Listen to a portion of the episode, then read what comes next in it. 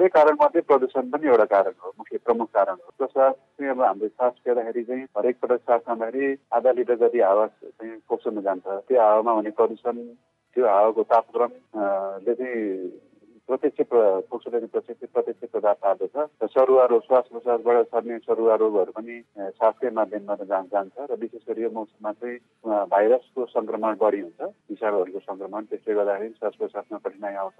र कम तापक्रम हुँदाखेरि चाहिँ के हुन्छ विशेष गरी जसलाई पहिलेदेखि नै दमको समस्या छ। श्वास प्रश्वासको एजमा अथवा सिओपिडी भन्छन्। त्यसमा श्वासको नलीमा सङ्कुचन ल्याउँदछ कम ताप तापक्रम हुँदाखेरि त्यसले गर्दाखेरि पनि श्वास प्रश्वासमा कठिनाइ हुन्छ। र प्रदूषणले पनि त्यसै गरी नै श्वास प्रश्वासको अङ्गहरूमा श्वासको नदीहरूमा फोक्सोमा असर गर्दछ।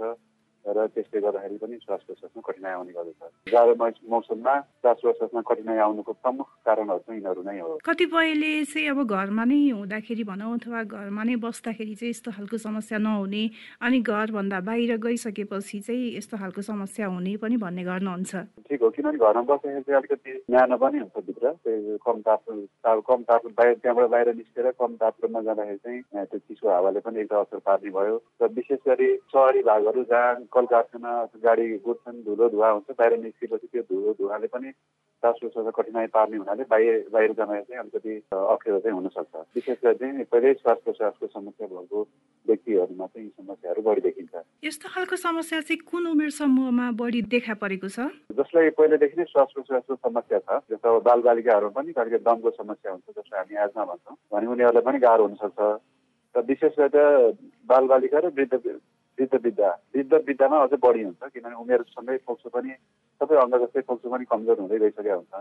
र धेरै जसोले अब पहिला धुम्रपान गर्ने बानी अथवा पहिला धुवामा बसेको हुन्छ।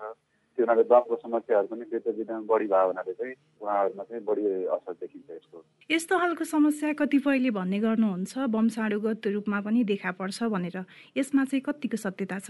यो दमको समस्याहरू वंशाणुगत हुने सम्भावना चाहिँ हुन्छ। परिवारमा कसैलाई दम छ भने सन्तानहरूमा चाहिँ दम हुने रिस्क चाहिँ बढ्छ। त्यसमा दम नै हुन्छ भन्ने चाहिँ होइन। हुने सम्भावना चाहिँ बढेर जान्छ। त्यो हुनाले अब परिवारमा कसैलाई एजमा सिओपिटीको समस्या छ भने उहाँको सन्तानहरूमा पनि त्यो हुनसक्ने रिस्क भयो भने त्यो रिस्कबाट चाहिँ जोगिन चाहिँ बुद्धिमानी हुन्छ यसमा चाहिँ।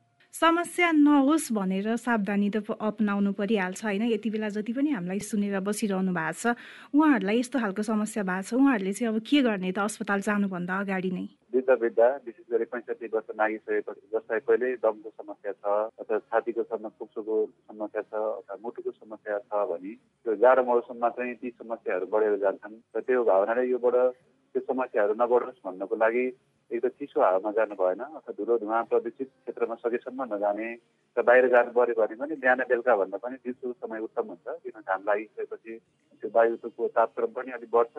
र अलिकति हावा चल्छ त्यसले गर्दा प्रदूषणको मात्रा पनि सहरी क्षेत्रहरूमा चाहिँ अलिक कम भयो हुनाले बाहिर जानु पऱ्यो भने दिउँसोतिर बाहिर जाने र आफ्नो जुन पुरानो औषधिहरू छ त्यो चाहिँ जाडो महिना पनि निरन्तरता दिने कसै दमको समस्या छ भने ती औषधिहरू चाहिँ नछोड्ने त्यसलाई निरन्तरता दिने र यसको साथसाथै खानपिन व्यायामहरूले पनि हाम्रो शारीरिक र मानसिक स्वास्थ्यलाई फरक पार्दछ र नियमित व्यायाम गर्ने स्वस्थ खानेकुराहरू सन्तुलित र स्वस्थ खानेकुराहरू खाने गर्नु पर्यो। निमोनिया अथवा इन्फ्लुएन्जा नलागोस् भनेर त्यो रोग लाग्नबाट केही हदसम्म जोगाउनको लागि भ्याक्सिन पनि पाइन्छ र जसलाई पहिलेदेखि नै श्वास प्रश्वासको मुटुको अथवा मृगौलाको सुगर छ अथवा पैँसठी वर्ष उमेर कटिसकेको छ भने त्यस्तो व्यक्तिहरूले चाहिँ त्यस्तो खालको भ्याक्सिन लगायो भने पनि निमोनियाहरू हुने अथवा फ्लूले समाउने सम्भावना चाहिँ कम भएर जान्छ।